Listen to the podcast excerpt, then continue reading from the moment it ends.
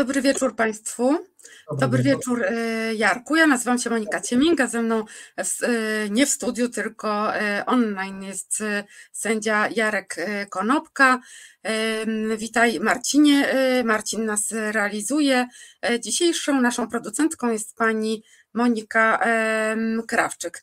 Cieszymy się, że widzimy się z Państwem jak co tydzień i serdecznie witamy naszego E, dzisiejszego e, gościa, pana sędziego Sądu Najwyższego, e, profesora Włodzimierza Wróbla. Dobry wieczór, dziękuję za ponowne zaproszenie. Bardzo się cieszę, że mogę być Państwa gościem. Dobry wieczór, panie profesorze. No właśnie, my bardzo, bardzo dziękujemy za to, że pan ponownie przybył, no bo to przecież nie jest pana pierwszy i mam nadzieję ostatni, ostatnie spotkanie w resecie obywatelskim w, prawo, w prawotece. A w pierwszej, e, na dzień dobry, e, chciałabym panu pogratulować e, wyboru jako przedstawiciela do Komitetu Nauk Prawnych Polskiej Akademii Nauk, o czym się dowiedziałam niespełna godzinę temu. Bardzo dziękuję, bardzo dziękuję. Panie profesorze i szanowni państwo, od tygodni rozmawiamy w prawotece o powrocie praworządności, o tym, jak ją przywrócić. E, naszymi gośćmi są e, ludzie, którzy e, brali udział w tworzeniu projektów ustaw, które są wieszone na stronie Justicji Stowarzyszenia Sędziów Polskich. I do tej pory nie rozmawialiśmy o naprawie Sądu Najwyższego. E, dlatego e, chcieliśmy właśnie dzisiaj z panem e, profesorem porozmawiać właśnie na ten temat. Ale w pierwszej kolejności, zanim przejdziemy do tego, jak naprawić tę sytuację w Sądzie Najwyższym, ja chciałam zapytać, no bo ostatnim naszym gościem z Sądu Najwyższego był prezes Izby Pracy i Ubezpieczeń Społecznych, pan Piotr Prusinowski, ale to było w kwietniu i opowiadał, co wtedy się działo. Czy, czy coś się e, zmieniło? Jak wygląda obecnie sytuacja w Sądzie Najwyższym? No chyba niewiele e, od tamtego czasu. E, zapadają orzeczenia i myślę, że ten, ten chyba ta, to, to o tym trzeba powiedzieć. Zapadają orzeczenia dotyczące osób, które orzekały w Izbie Nadzwyczajnej albo w Izbie Dyscyplinarnej, następnie decyzją pani profesor Manowskiej zostały skierowane do innych izb. No, w, w, było przedmiotem badania, czy nie doszło tutaj w tym przypadku jednak do pojawienia się w Izbie, zwłaszcza karnej, osób, które tak naprawdę nie są uprawnione do orzekania w tej Izbie. A to z tego powodu, że e, te konkursy, które były rozpisane do Izby Nadzwyczajnej, i do Izby Dyscyplinarnej, no to były konkursy rozpisane do sądów takich specjalnych, szczególnych. One gdzieś, no, Izba Nadzwyczajna ciągle, czy ta kontroli publicznej spraw nadzwyczajnych ciągle działa przy Sądzie Najwyższym.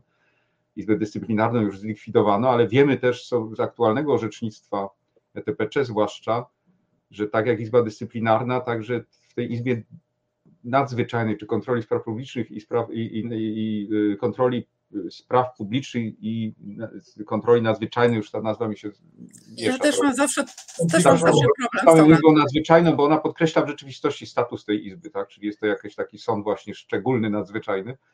No więc wiemy z tego orzecznictwa, że tam nie da się sformułować sądu, który by, składu orzekającego sądu, który mógł być sądem niezależnym, bezstronnym, no i okazuje się, że w tej sytuacji te, te powołania na, na te stanowiska w tych izbach no były powołaniami może na stanowiska sędziów, ale w sądach specjalnych. Jeżeli te osoby chcą teraz orzekać w Sądzie Najwyższym, no to musiałyby dostać nominację pana prezydenta. Tej nominacji nie ma, więc mamy do czynienia trochę z, no, z takimi osobami nieuprawnionymi do orzekania. I, I takie wnioski o wyłączenia są uwzględniane. No więc to, to może jest jakaś taka nowa sytuacja wynikająca właśnie z orzecznictwa Europejskiego Trybunału praw człowieka, tak?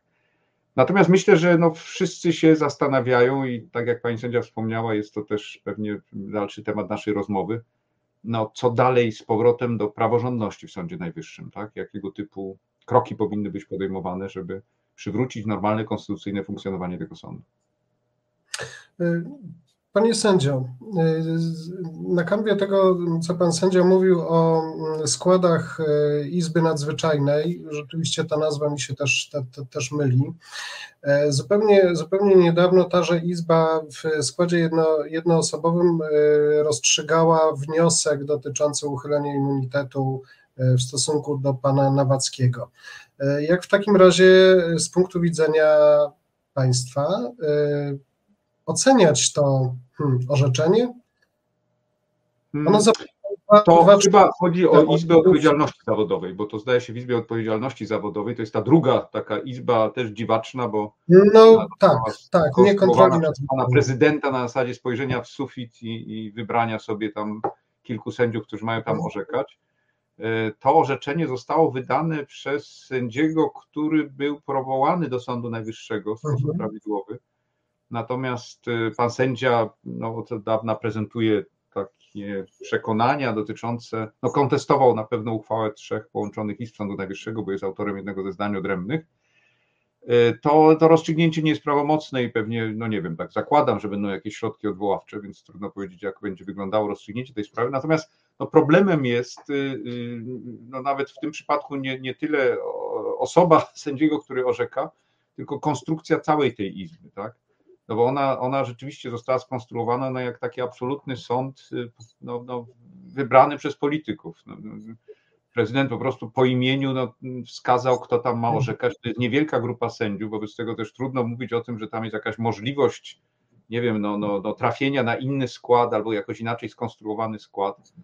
Y, wobec tego ta, ta, ten, ten, te, te, to, to jej urodzenie no, no ewidentnie świadczy o tym, Zresztą też stanowisko mamy, mamy w tym przypadku organów międzynarodowych, że no w tej izbie sądu, takiego, który spełnia kryteria sądu w rozumieniu i konstytucji, ale też traktatów, nie skonstruujemy, tak?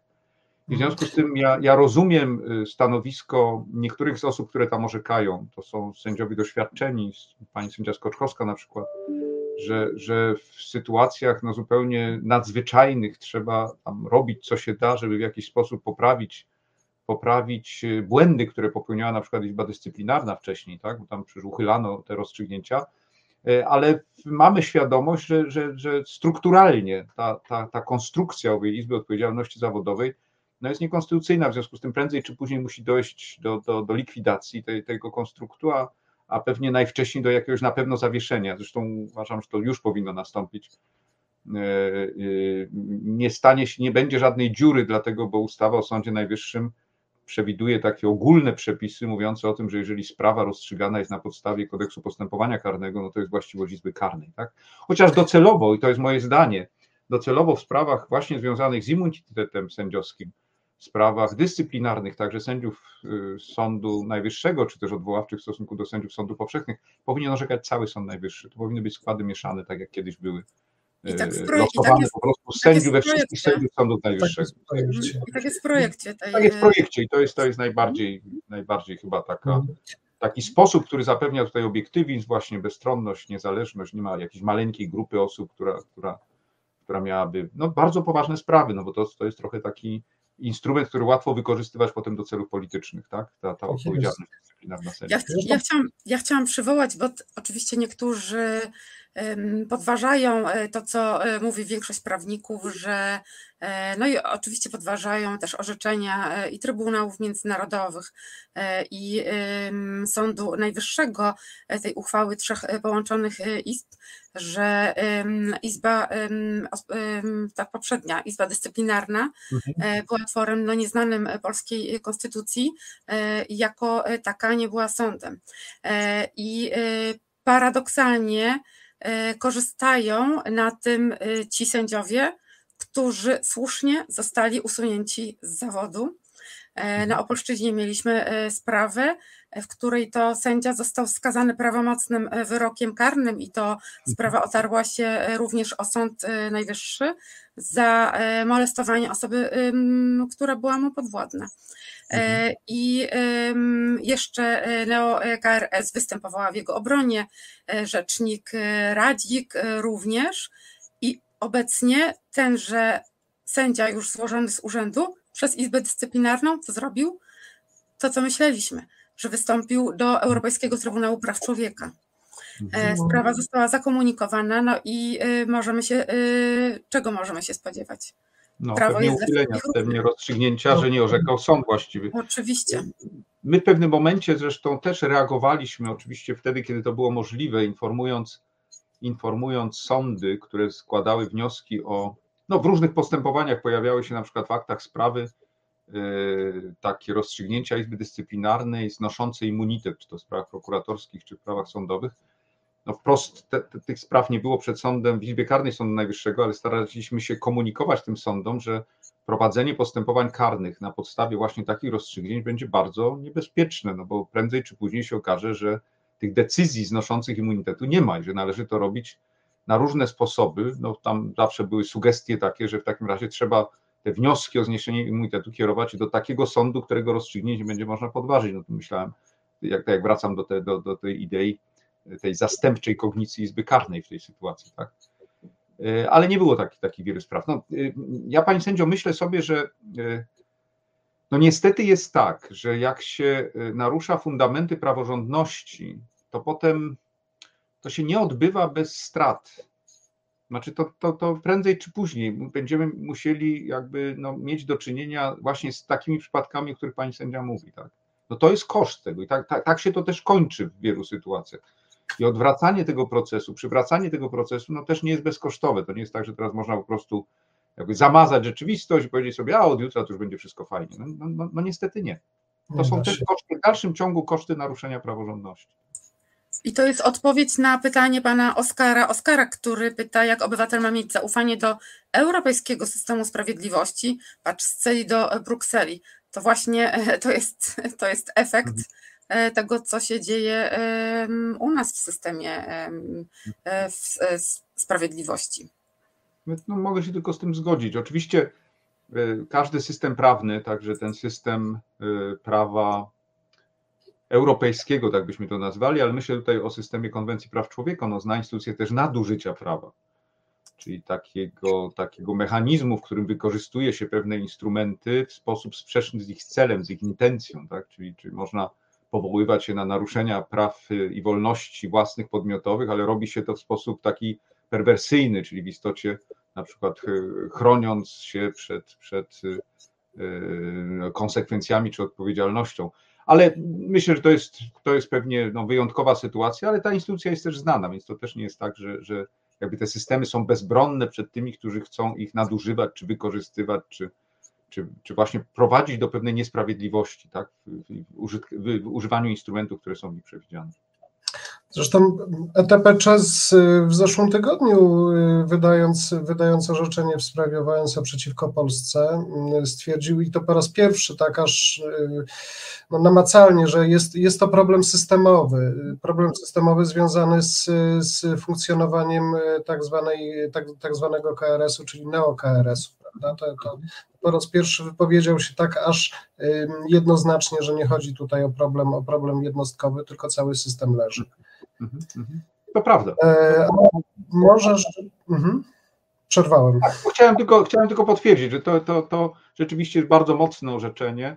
Ono stanowi pewne, no można powiedzieć, podsumowanie tego, co, co, o czym ETPC już od dłuższego czasu orzeka. Zresztą bym powiedział w sposób nawet bardziej y, kategoryczny i taki no, zero-jedynkowy trochę niż TSUE. Także dzisiaj te orzeczenia mhm. Europejskiego Trybunału Praw Człowieka, oczywiście one zapadają w sprawach indywidualnych, ale to nie zmienia faktu, że stanowią interpretację konwencji i ta interpretacja, która tam jest podana, nas wiąże. Jesteśmy zobowiązani do wykonywania tego rzeczy nie tylko w tej indywidualnej sprawie, na przykład płacąc odszkodowanie, czy, czy przewidując instrumenty wznowienia postępowania, ale to są orzeczenia, które y, zobowiązują nas do zmiany naszego systemu prawnego, albo też do takich działań różnych organów państwa, które powinny praktykę naszych instytucji dostosować do konwencji. No, po takim orzeczeniu, y, jak zapadło ostatnio, no naprawdę y, nie spałbym na miejscu, mm, na miejscu osoby kierującej tą Izbą y, Kontroli, czy tych spraw publicznych i kontroli nadzwyczajnej, no bo ona jest zobligowana w zasadzie, powinna się czuć zobligowana do zawieszania, zawieszenia działania tej Izby. Dla mnie to jest dość oczywiste. No tak, a jednocześnie Ministerstwo Sprawiedliwości stwierdziło na, na, po, po, po, wydaniu tego wyroku, że wyrok stanowi wyraz dyskryminacji Polski, a KRS jest niemal kalką rozwiązań przyjętych w Hiszpanii, czyli powtarza się mniej, mniej więcej tam samą retorykę, która od kilku lat jest stosowana. Ja, ja, ja, jednej rzeczy nie mogę zrozumieć na, na, w, tym, w tym, tym ministerstwie, nie? miejmy nadzieję, że już zmieniającym swój kształt, że ciągle zapomina się o tym, że, że ta, ta, ta, to konwencyjne prawo do sądu, tam jest mowa o tym, że to ma być sąd y, y, ustanowiony ustawą, tak? I ta ustawa to jest oczywiście prawo krajowe, ono też nie może być dowolne, musi być związane z jakimś standardem, ale tym podstawowym prawem krajowym to jest konstytucja. No i mhm. naprawdę konstytucja Polski różni się od konstytucji hiszpańskiej. W związku z tym opowiadanie o tym, że w Hiszpanii coś jest, a w Polsce nie jest, no można powiedzieć, że no, w Izraelu nie ma Trybunału Konstytucyjnego. Czy to oznacza w takim razie, że Trybunału Konstytucyjnego w Polsce też nie musi być, tylko może mieć taki organ jak nasz Szucha w tej chwili doradczy polityków? No, no to, to, to, to nie jest żadna, żaden argument, że bo trzeba sprawdzić, jak wygląda system prawny tego kraju. Tak? Natomiast ten sąd ustanowiony ustawą według y, konwencji, no to musi być sąd, który jest sądem praworządnym na gruncie prawa krajowego, przestrzegającym hierarchię też źródeł prawa, czyli przede wszystkim sąd zgodny z konstytucją tego kraju. Natomiast NeoKRS y, też popełnił takie y, stanowisko, wskazujące na to, że no to właściwie nie jest orzeczenie, no bo Trybunał, e, Trybunał Konstytucyjny właśnie kiedyś tam e, orzekł, że artykuł 6 EKPC e jest w ogóle niezgodny z polską konstytucją. No, takie to jest dosyć, znaczy no, bardzo absurdalne i że, że nie ma to mocy prawnej. Natomiast myślę, że nad tym można przejść do porządku dziennego, no bo czego możemy się spodziewać po tej Radzie, od której no, wzięło się całe zło w tym w systemie powołań, ale jeden zarzut jest konkretny, a chodzi o to, że Wyrok, co prawda, zapadł e, jednogłośnie, jednakże strona polska nie była reprezentowana przez e, sędziego, a ponieważ sędzia Wojtyczek jakby wyłączył się od rozpoznania sprawy e, i sędzia ad hoc wybrany, wskazany przez Polskę nie został wybrany, tylko został wybrany sędzia grecki. I gdyby pan profesor, no bo to jest konkretny zarzut, gdyby pan profesor mógł się do tego konkretnego zarzutu odnieść. Ja, panie sędzio, nie jestem specjalistą też od, od prawa traktatowego i zwłaszcza od procedur przed Europejskim Trybunałem, więc pewnie mogę powtórzyć tylko opinie, które były formułowane tym zakresie. No, też nie może być tak, że dochodzi do jakiejś obstrukcji takiej zupełnej. Y, I nie wydaje mi się, że akurat ten, ten, ten zarzut związany z, z składem ETPC miałby spowodować, że nie wiem, no co to teraz ten wyrok już nas nie, nie dotyczy, nie obowiązuje. E, wracając do, do, do, do tego KRS-u, jak mówię z tym zarzutem, że e, czy tego składu wobec tego KRS-u i tych uchwał, które tam są, tam są podejmowane, no to one rzeczywiście, no, jak czytam je ostatnio i, i, i, widzę, ilu tam jest obrońców konstytucji, tak, jak, jak tam niezawisłość sędziowska ma być teraz chroniona i nieusuwalność i tak dalej, no to robi się to dość groteskowe, nie? No ale, ale może to jest tak los tego typu organów, które, które od samego początku widać, że, że, że w ogóle nie, nie wpasowane są w swoje funkcje. Nie? No i na, na, na końcu właśnie to się kończy groteską. Myślę, że, ten, ten, ten, że, że to, to, to można już spuścić zasłonę milczenia nad, nad działalnością tego organu i, i nie za bardzo się przejmować, bo w ten sposób się rzeczywiście traktuje na poważnie coś, co, co, co no, powinno jak najszybciej zniknąć. No właśnie, że niestety teraz trzeba stwierdzić, że wielu ludzi ogląda te obrady e, NeoKRS, bo zrobiło się nie dość, że groteskowo, to jeszcze e, właściwie dosyć kryminalnie nawet. Także no to też no właściwie no my możemy co najwyżej płakać, tak? Jeśli taki, no. jeśli organ konstytucyjny wywołuje salwy śmiechu, tak? Czy, czy czy zszokowania. No nie no jest znaczy, byłoby to, Pani byłoby to smutne, gdyby to rzeczywiście był organ konstytucyjny, no ponieważ właśnie nie jest to organ konstytucyjny. No to jest jakiś, jakiś stworzony przez ustawodawcę byt i on sobie tak funkcjonuje. No, póki władza wykonawcza y, respektowała działania tego organu, myślę tutaj o panu prezydencie, no to on realnie, to mimo tej swojej groteskowości, wpływał na naszą rzeczywistość. No, mam nadzieję, że to już wreszcie wrócimy do jakiegoś poważnego państwa tak? że, że będziemy mieli poważne organy, poważne państwo i rzeczywiście, gdyby, gdyby poważny organ, taki rzeczywisty organ konstytucyjny, gdzieś takie rzeczy się w nim działy, no to trzeba by pewnie bardzo głęboko się pochylić nad tym, co dalej robić, no bo tak nie może być, bo to, to jest naruszanie autorytetu państwa. Co sobie myślą obywatele, kiedy patrzą na to, jak państwo funkcjonuje, tak? No i no trzeba, tak. trzeba wyprostować te kwestie, prawda? No tak. Jarku, przepraszam, chciałeś powiedzieć coś. Nie, bo, bo bardzo ciekawy, ciekawy temat dotyczący tego problemu systemowego, mm, który, który, o którym orzekło ETPC w, listopadzie 2013, 2023 roku, tego roku.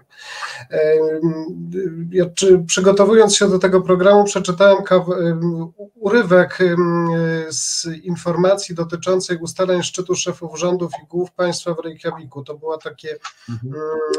z, z, posiedzenie z maja 2023 roku. Zresztą prezydent Duda widnieje na nim, na nim jako sygnatariusz.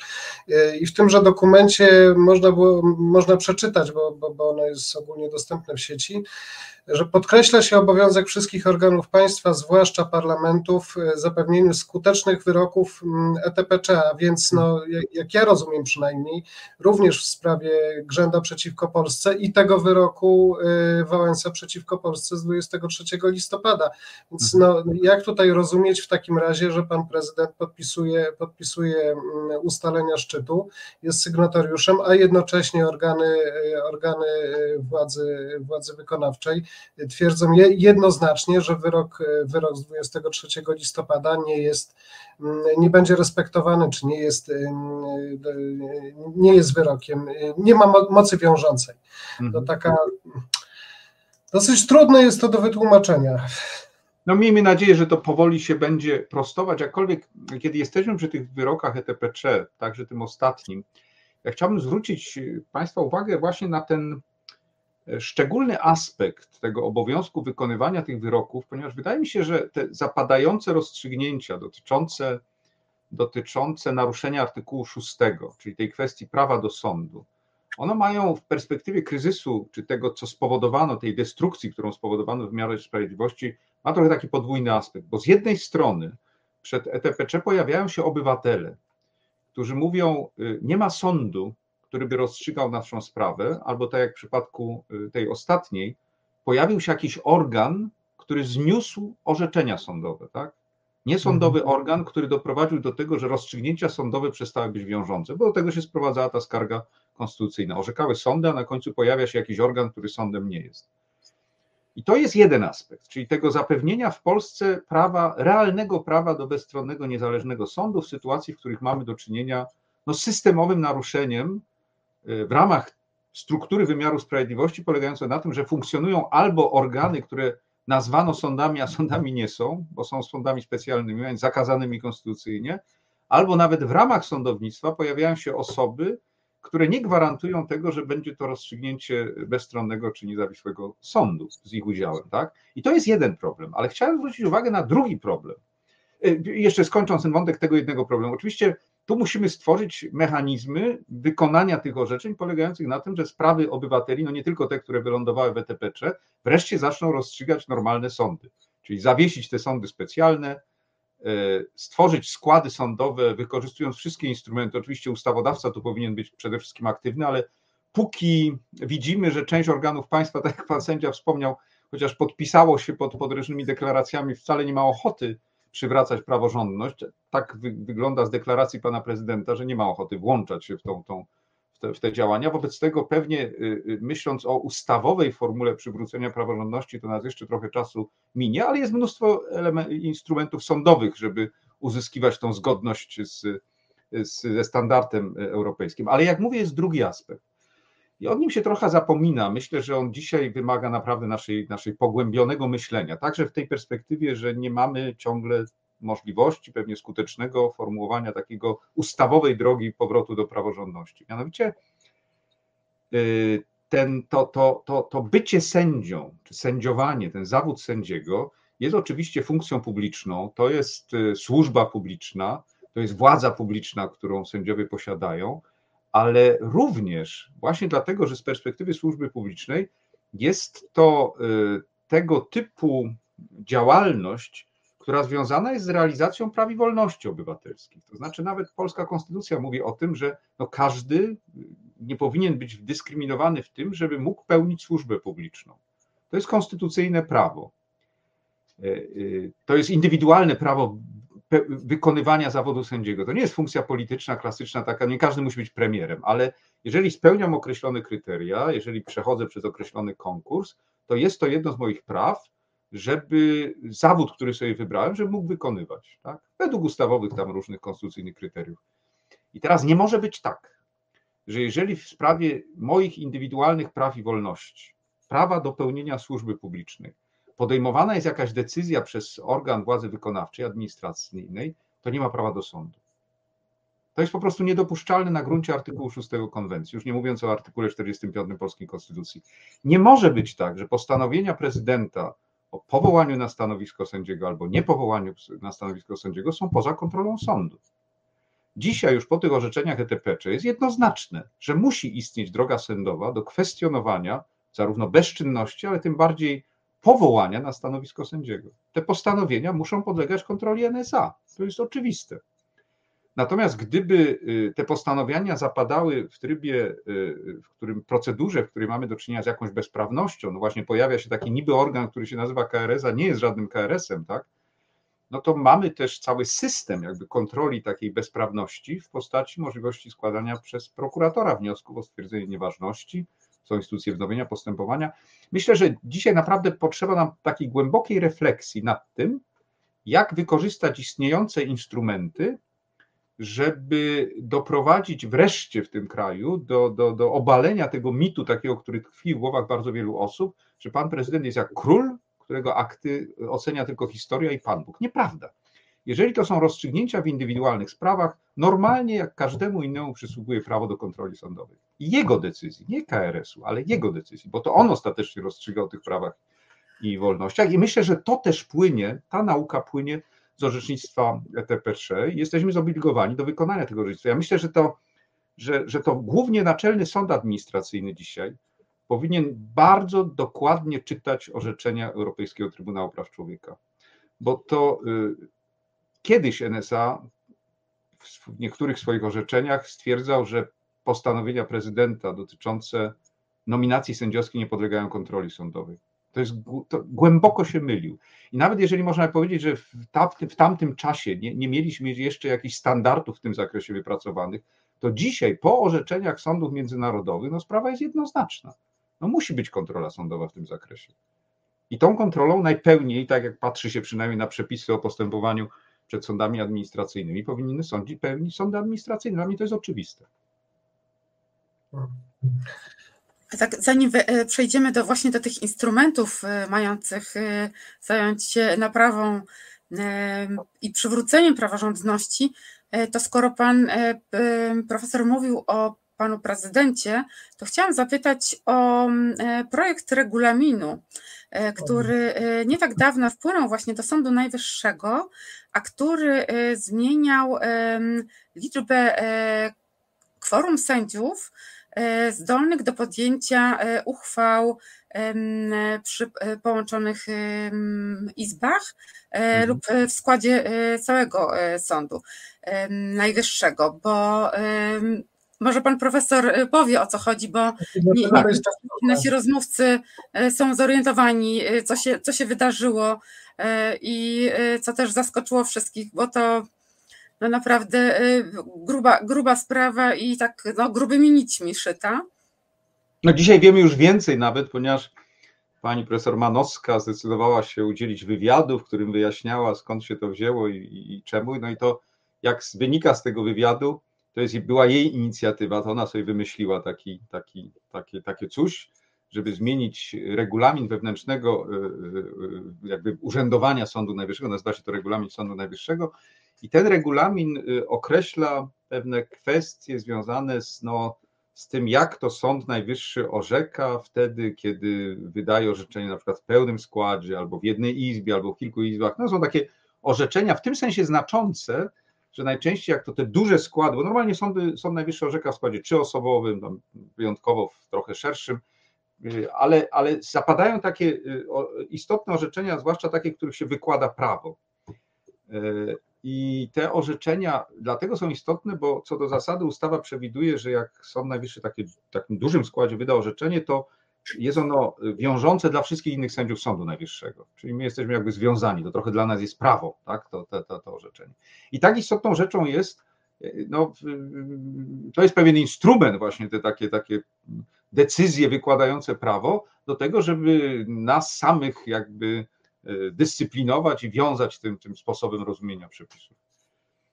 E, jedną z takich uchwał, która nas związała, to była uchwała trzech połączonych izb, która mówiła o tym właśnie, że osoby wadliwie powołane do Sądu Najwyższego no nie mogą wydawać orzeczeń, bo będą te orzeczenia skażone, że trzeba będzie je potem e, w tych sprawach wznawiać postępowania, e, stwierdzać nieważność. No, no, no nie powinno to działać.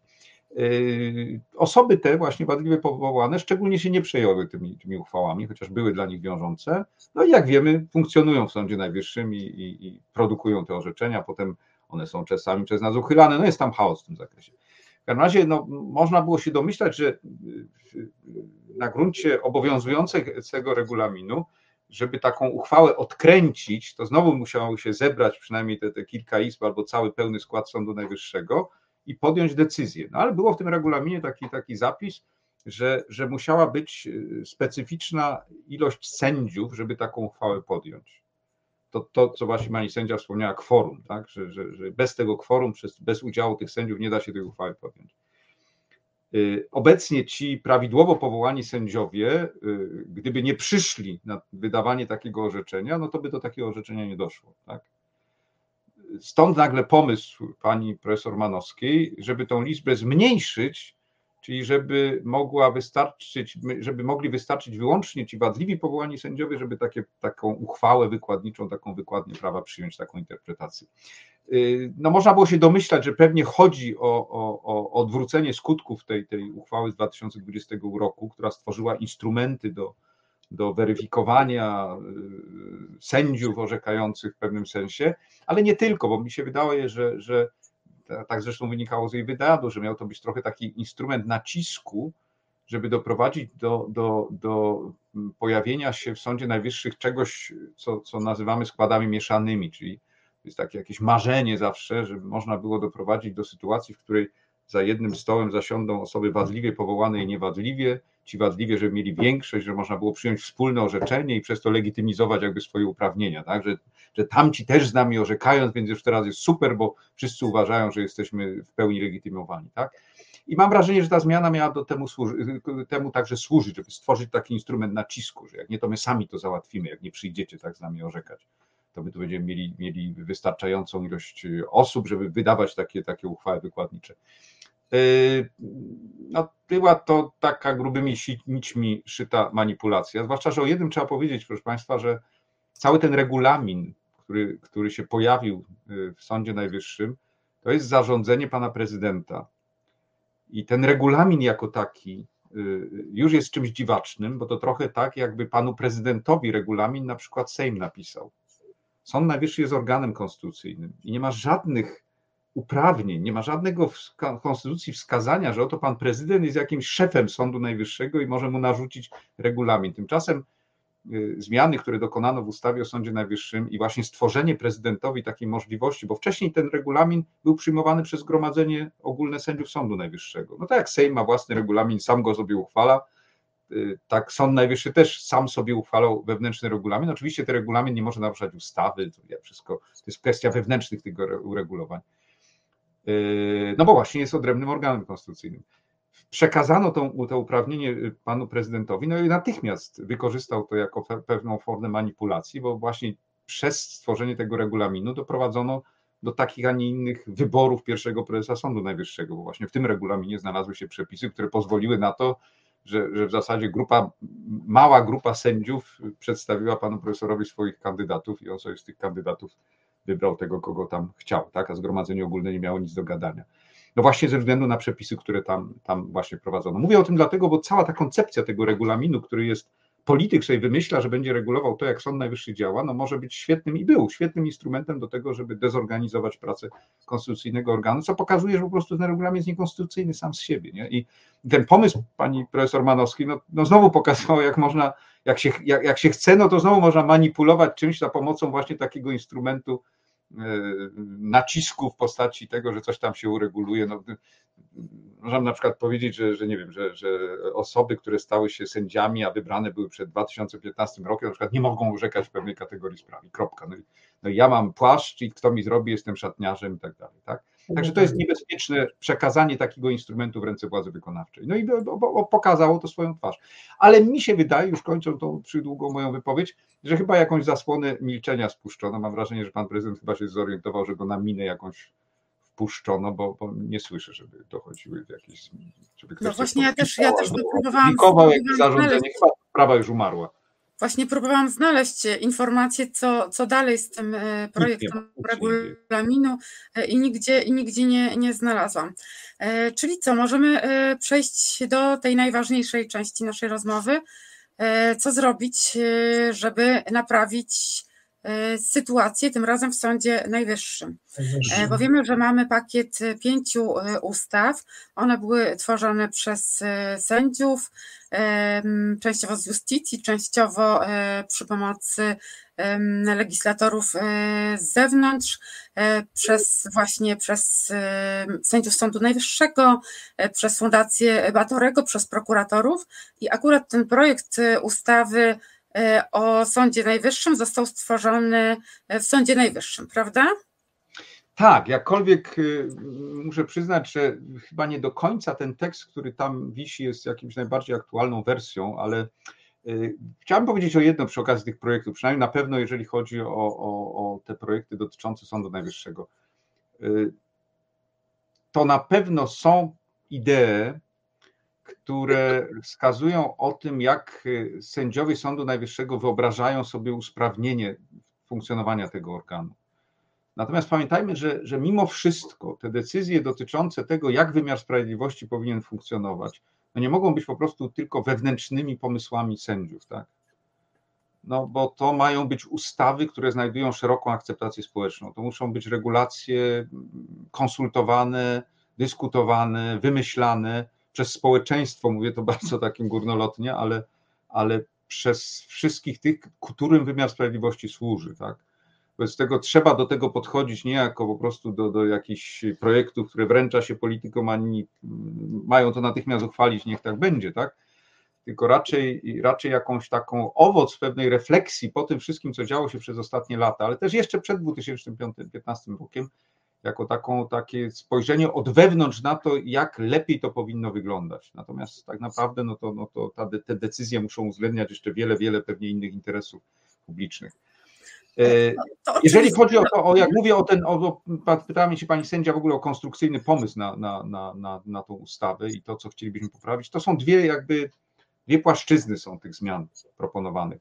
Jedna to jest konstrukcja Sądu Najwyższego, który fajnie, żeby funkcjonował w normalnym państwie, jak on powinien wyglądać, właśnie pod wpływem tych doświadczeń z, z lat ubiegłych. E, nie tylko mówię przez te 8, 8 lat ostatnich. A druga kwestia to, jak przywrócić praworządność w Sądzie Najwyższym. To jest trochę odrębny problem, bo to jest problem tego okresu przejściowego, z którym trzeba sobie jakoś z tym bałaganem, bałaganem poradzić. Jeżeli te, chodzi o tę pierwszą kwestię, to, to ten projekt y, nie jest jakoś bardzo rewolucyjny. On zakłada y, istnienie y, no, też izb w Sądzie Najwyższym, y, które byłyby, no, znaczy przewiduje się trzy w zasadzie tam izby, izbę karną, cywilną i taką izbę pracy właśnie i spraw publicznych przewiduje też kompetencje całego składu Sądu Najwyższego w orzekaniu w takich wrażliwych, byśmy powiedzieli, sprawach politycznych. Właśnie, żeby nie było już jakiejś takiej wydzielonej jednostki w Sądzie Najwyższym, która będzie się zajmowała sprawami polityków czy polityki. Sąd Najwyższy jest uwikłany w te sprawy, rozstrzygając o wyborach na przykład, rozstrzygając protesty wyborcze, czy rozstrzygając kwestie finansowania kampanii wyborczych, czy komitetu wyborczych. Wobec tego te sprawy powinny być w kompetencji całego Sądu Najwyższego. No podobnie tak jak żeśmy mówili, sprawy dyscyplinarne sędziów też powinny być kompetencją całego, całego Sądu Najwyższego. Nie ma potrzeby, żeby był tak ogromny skład. Nie ma potrzeby, żeby politycy wymyślali nam wewnętrzne regulaminy i w ten sposób wpływali na to, jak ten Sąd Najwyższy funkcjonuje. A ilu obecnie jest sędziów? Proszę. Ilu obecnie jest sędziów razem z tymi neosędziami? Pan prezydent łaskawie non-stop tam ręcznie sobie steruje tą ilością. Yy, no już ponad setka musi być, podejrzewam, nie? Bo tak z tego, co... robotą potąd, a część hmm? sobie wyrywa chyba akta, jak patrzy na tą izbę nadzwyczajną i ilość spraw, która tam wpływa, tak? Bo, bo w kwietniu bodajże było 125 a to I jest nie wiem, jak to... prawdopodobne. Ja, ja straciłem hmm? rachubę, już przestałem liczyć, tak? No bo ewidentnie chodziło o to, żeby zwiększyć liczbę osób, która no, podoba się władzy, tak, w stosunku do liczby osób, która y, powołanych była wcześniej do Sądu Najwyższego. Więc to jest taki stary mechanizm polityczny w różnych krajach, gdzie, gdzie tam się dorywali do władzy ludzie, którzy chcieli mieć wpływ na sądownictwo, to zwiększali liczbę sędziów, tak. A potem ją zmniejszali, ale y, rezygnując z tych, którzy byli kiedyś. O, o tych prawilnych. Tak, tak, tak, tak. No więc, no więc ta liczba jest za duża, zdecydowanie za duża i nie ma, nie ma potrzeby y, takiej, bo to, to, to, to wiecie Państwo, już abstrahując od wszystkiego, od różnych politycznych y, jakby takich no, y, konotacji czy niebezpieczeństw, to przede wszystkim rozbija to, co jest podstawową funkcją Sądu Najwyższego, czyli dbałość o jednolitość. No nie może być tak, jak niestety mamy do czynienia czasami w sprawach administracyjnych, że na każdy pogląd można znaleźć orzeczenie sądu, tak? Obojętnie którą stronę by nie interpretować, to zawsze jakieś się orzeczenie znajdzie.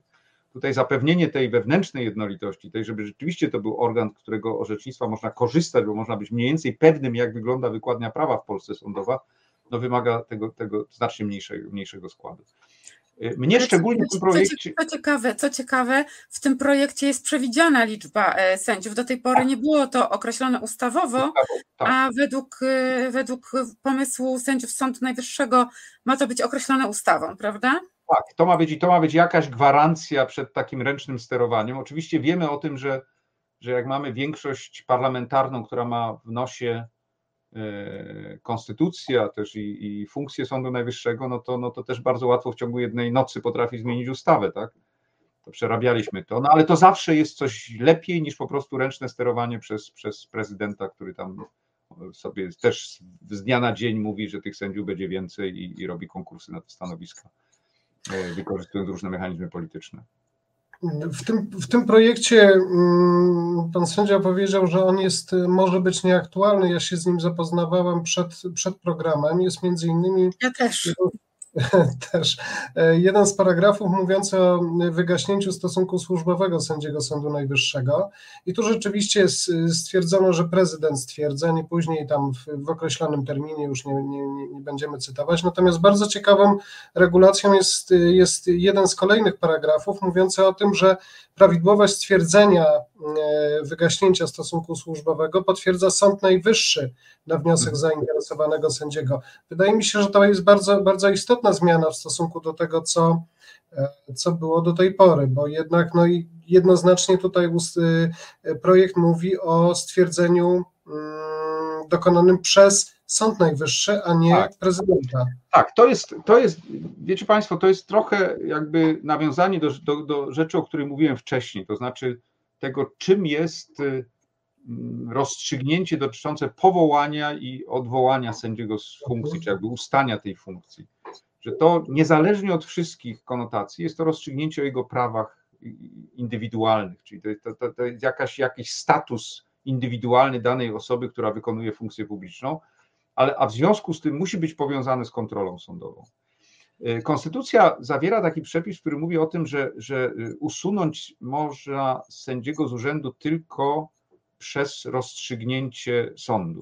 To sąd może usunąć sędziego. I my interpretowaliśmy ten przepis bardzo długo, w ogóle się ktoś zajmował interpretacją tego przepisu, jako taki przepis, y, który pokazywał, że odpowiedzialność dyscyplinarna musi mieć charakter sądowy, bo to tylko w trybie odpowiedzialności dyscyplinarnej jakoś można usunąć z urzędu. Mhm.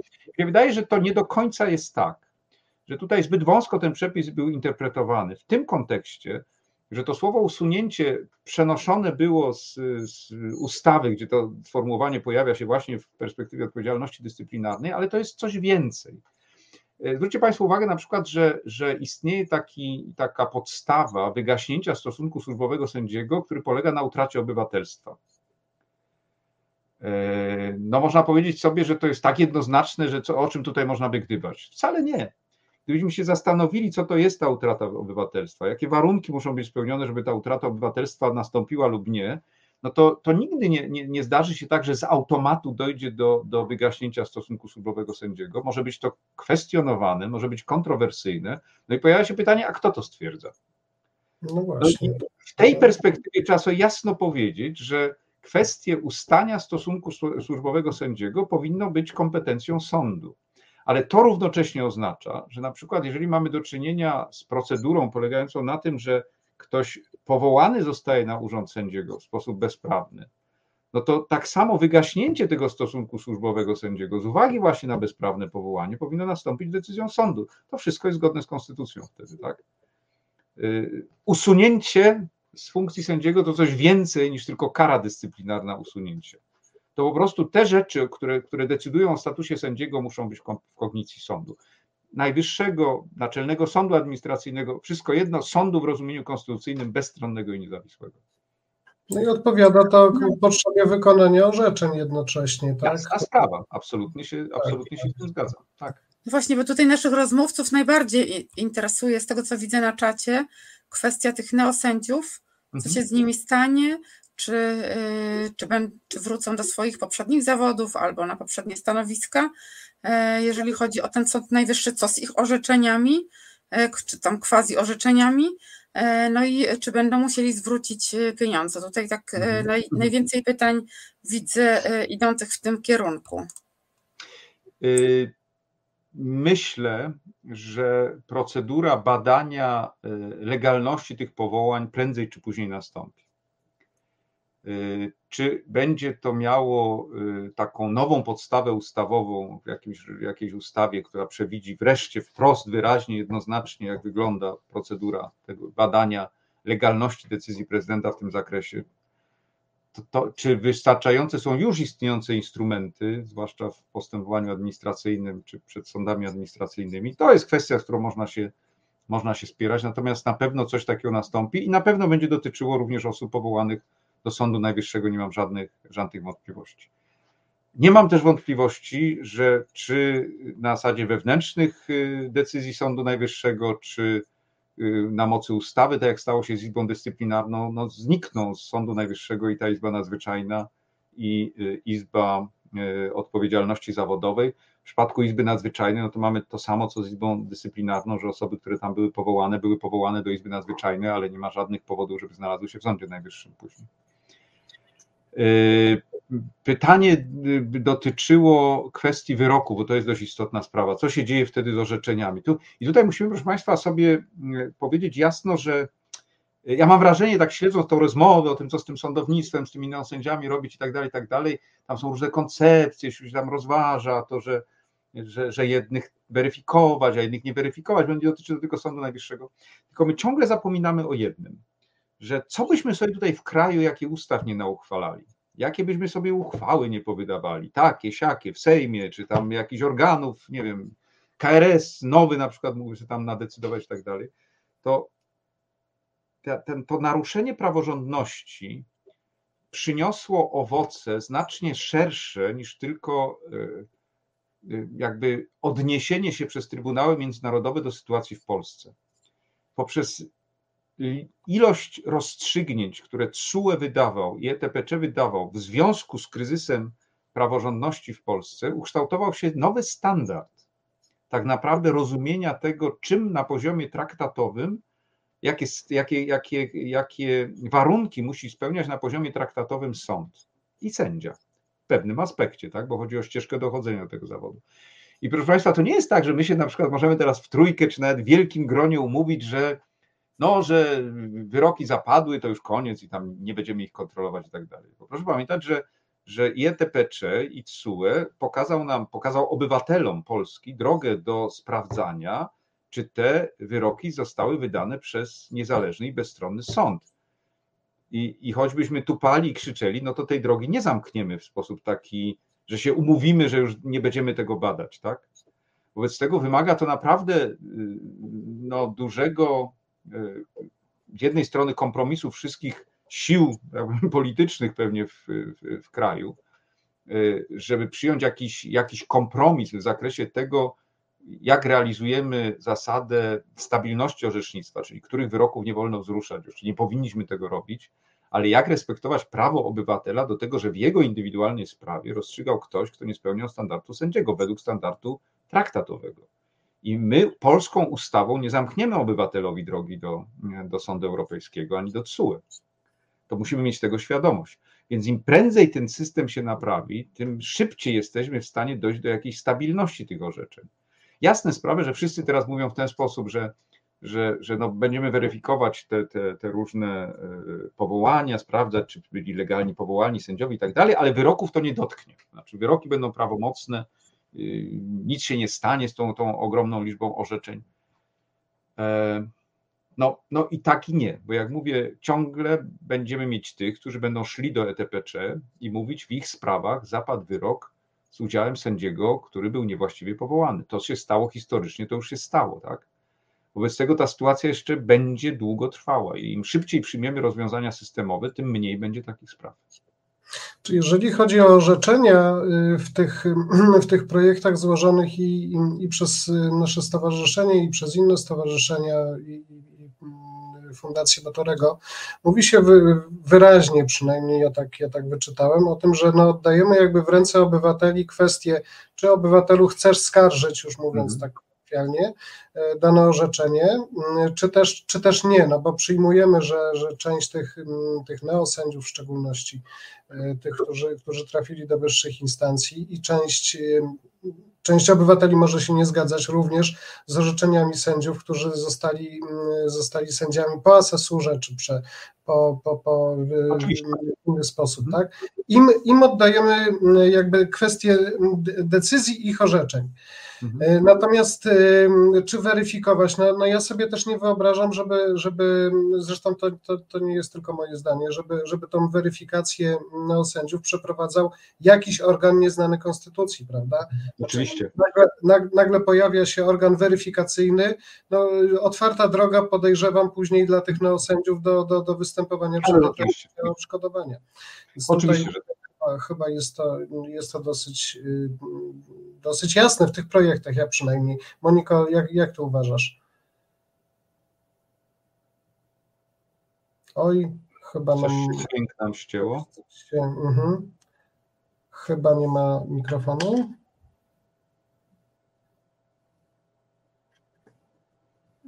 zagłuszają. Nie słychać Cię, Moniko, nie słychać. E, to ja jeszcze, jeszcze korzystając, zaraz, zaraz pewnie to się wszystko naprawi. Panie sędzio, chciałem zapytać o, je, o, o, jedną, o jedną kwestię, jeszcze może mniejszego trochę kalibru, bo wyczytałem niedawno, że Państwo, państwo również na pewno wiedzą, że istnieje taka szkoła, szkoła sądownictwa i prokuratur. E, I kilka dni temu, mogę się mylić, co do daty, e, wskazanym został na stanowisko dyrektora tego, tej, tej, tejże szkoły pan Zaradkiewicz. Jeżeli ja dobrze pamiętam, to pan Zaradkiewicz jest e, sędzią, no w każdym razie zasiada, zasiada w budynku Sądu Najwyższego, a czy on może w takim razie pełnić funkcję dyrektora, czyli no, tak zajmować się czymś innym, bo no w, WSP, w WSP jest jasno powiedziane, że sędzia nie może, nie, nie, nie może podejmować żadnej innej e, pracy zarobkowej, chyba że no spełni jakieś tam warunki albo jest, jest, jest związany z dydaktyką. Tak. Co z panem, co z panem Zaradkiewiczem? Sędziowie robią oczywiście różne inne rzeczy, y, nie tylko orzekają, nie tylko, niektórzy nie tylko pracują w sądzie, no bo regulacje mhm. ustawowe czasami zezwalają nam no choćby prowadzić takie rozmowy jak dzisiaj, tak? To są różne. Ale nieodpłatnie, dodajmy nieodpłatnie. Natomiast y, przynajmniej ustawa o Sądzie Najwyższym jest bardzo kategoryczna, zresztą no, w trochę mniejszym zakresie ustawa o sądach powszechnych, ale ustawa o Sądzie Najwyższym jest bardzo kategoryczna i mówi, że nie ma możliwości być zatrudnionym lub być w stosunku służbowym zatrudnionym pełnoetatowo lub, lub w stosunku służbowym. Jest jedyny wyjątek, dotyczy to pracy na uczelni. Tak? I to jest, to jest wyjątkowa sprawa. I potem jest oczywiście możliwość za zgodą pierwszego prezesa pełnienia różnych tam, wykonywania różnych zajęć, o ile to tam nie narusza godności sędziego. No i sędziowie są w różnych komisjach, są ekspertami, no tam różne rzeczy robią.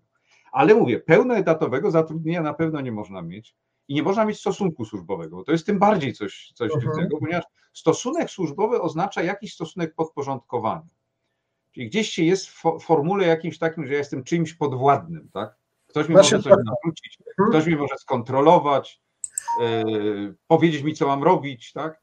No i dyrektor Krajowej Szkoły Sądownictwa i Prokuratury, jakkolwiek jest odrębna ustawa i tam jest przewidziane, że on ma tam kadencję pięcioletnią i tam jest jakiś specjalny sposób powołania go, znaczy minister go mianuje, ale jak się wczytać w tą ustawę, to zarówno sposób, on jest organem tej szkoły, ale równocześnie jest organem wydającym decyzję administracyjną, jest organem wydatkującym środki publiczne. I we wszystkim tym oczywiście podlega ministrowi, tak? Bo minister no. E, rozpoznaje odwołanie od decyzji dyrektora. No więc ewidentnie mamy tutaj stosunek służbowy. No i niestety było tak, że już pani profesor Manowska, kiedy dostała się, to właśnie została powołana przez pana prezydenta do Sądu Najwyższego już w tym, już w tym wadliwym trybie, przed tą, tą wadliwą KRS, to mimo, że pani profesor Gersdorf, która była pierwszym prezesem Sądu Najwyższego, zabroniła jej wykonywania tej funkcji, no bo to było oczywiste, że to jest naruszenie ustawy o Sądzie Najwyższym, to mimo wszystko no, pełniła dalej tą funkcję. Była dyrektorem cały czas. Zresztą toczy się, o ile dobrze pamiętam, postępowanie dyscyplinarne w tej sprawie też. Yy, jak mówię, no, mimo, wyraźnego, mimo wyraźnego zakazu yy, wykonywania tych funkcji, no bo no jest to ewidentne powiązanie z władzą wykonawczą, no taką, taką już na, na, na, na no, no, no, bardzo wyraźne, bardzo jednoznaczne, tak?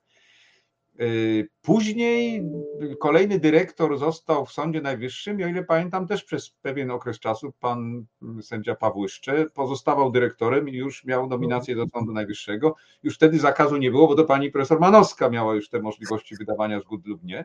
No a dzisiaj mamy sytuację jeszcze bardziej groteskową, no bo znowu kolejny, kolejna osoba powołana do Sądu Najwyższego, która absolutnie traktuje się jako sędzia Sądu Najwyższego, no, zgadza się być znowu z nominacji pre, pre, pre ministra tym, tym dyrektorem tej, tej krajowej szkoły. No, ja się bardzo dziwię, no bo mówię, w sytuacji już prowadzonego postępowania dyscyplinarnego, no trochę to jest takie jakby położyć głowę pod topór, tak? E, godząc się na taką funkcję. E, na, na czym polega myk, który tam jest stworzony, że, że niby w ustawie o w ustawie o sądach powszechnych jest taka możliwość, że minister może delegować do różnych prac, tam w Ministerstwie Sprawiedliwości, tak. można być takim urzędem. Przepis fatalny powinien natychmiast zostać skreślony. Mam nadzieję, że w tych projektach, jak Państwo wspomnieli, wszelkie te urzędnicze delegacje znikną raz na zawsze i nigdy więcej nie powrócą, tak? Ale jest tam też taka możliwość delegowania kogoś do szkoły, do, do, do, do, do zatrudnienia w tej szkole, co było interpretowane, że można też sędziego sądu powszechnego zrobić właśnie dyrektorem szkoły. I był taki okres czasu, kiedy właśnie dyrektor szkoły był sędzią sądu powszechnego. Okej, okay, w tej ustawie to jest, ale w ustawie o Sądzie Najwyższym takiej możliwości nie ma. Jest przepis, który mówi, że w sprawach nieuregulowanych stosuje się przepisy ustawy o sądach powszechnych, ale jak w ta sprawa jest uregulowana, no bo jest bezwzględny zakaz stosunków służbowych i zatrudnień. Jak komuś przyszło do głowy, żeby w tych warunkach prawnych no, minister różne rzeczy robi, więc jemu mogło przyjść do głowy, ale y, osobie, o której rozmawiamy, jak mogło przyjść do głowy, żeby zgadzać na, na coś takiego, i to jeszcze dzisiaj, kiedy, kiedy staramy się przywracać wreszcie jakieś standardy praworządności, tak. nie mogę zrozumieć tego, bo to, to, to, to naprawdę jakimś kamikadze.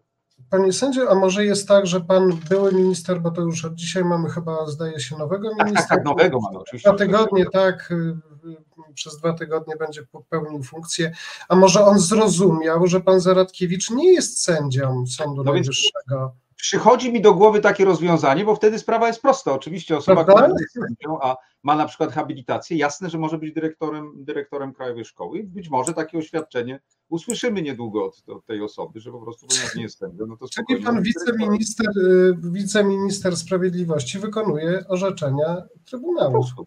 Po prostu. Akta konkludenta, byśmy powiedzieli. Cieszymy się niezmiernie. Lepiej ja później... też o tym pomyślałam, ale nie wiem, czy mnie słychać. Słychać, Monika. Słychać tym razem. Też o tym pomyślałam. Dobre pytanie zadałeś, kiedy mnie nie było, bo też właśnie o to chciałam zapytać, a czas nam się niestety kończy. E, I e, no bardzo, bardzo żałujemy, ale e, oczywiście liczymy na to, że pan profesor odwiedzi nas ponownie i to jeszcze nie raz ale mamy taki zwyczaj tutaj w prawotece, że kończymy e, ją czymś bardzo pozytywnym. Staramy się hmm. znaleźć pozytywy i bardzo prosimy pana sędziego aby powiedział coś, co e, dobrze nastroi na wieczór i na kolejne dni naszych słuchaczy. Mhm. Y, ja osobiście naprawdę nie spodziewałem się, że ten kryzys, który żeśmy przechodzili, będzie miał takie efekty, że tak wiele a, no, społeczeństwa obywatelskiego powstanie. Bo to, y, to społeczeństwo obywatelskie zatrzymało ten, ten taki walec prowadzący nas do naprawdę autorytarnego państwa. Y, ja już nie mówię o jakichś indywidualnych wyborach politycznych, chodzi mi raczej o, o, o masowość udziału w wyborach i, i ta, ta, ta, ta liczba y, działań edukacyjnych, obywatelskich, kontrolnych, ludzi zaangażowanych, to, to, to robi ogromne wrażenie i, i to, to jest bardzo optymistyczne, bo, bo wiecie Państwo, ja no nie, no, nie jestem jakimś naiwnym optymistą, no każda władza kusi i każda władza kusi do tego, żeby poszerzać zakres tej władzy. W związku z tym ten kryzys, który żeśmy przeszli, mam nadzieję już definitywnie, nie tylko stworzył, czy, czy daje szansę na to, że odbudowane zostaną te mechanizmy kontrolne, które są w konstytucji w postaci właśnie sądów niezależnych, nie wiem, Trybunału Niezależnego i tak dalej. Ale ten kryzys stworzył nam taką, taką tkankę niezależnych obywateli. Kiedyś pan sędzia e, Zabłocki w takim słynnym przewinieniu mówił o wolnych ludziach, tak? No więc tych wolnych ludzi jest na tyle dużo, że wierzę, że będą w stanie kontrolować tą władzę, wzmacniając te, te instrumenty kontrolne i stojąc za tymi instrumentami kontrolnymi. Myślę, że w tym będzie, będzie siła i sądów, i tych niezależnych organów konstytucyjnych. Również na to liczę. I ja. E, e, a zatem bardzo, bardzo e, dziękujemy i Państwu również za to, że jak zwykle aktywnie Państwo brali udział w prawotece i do zobaczenia za tydzień.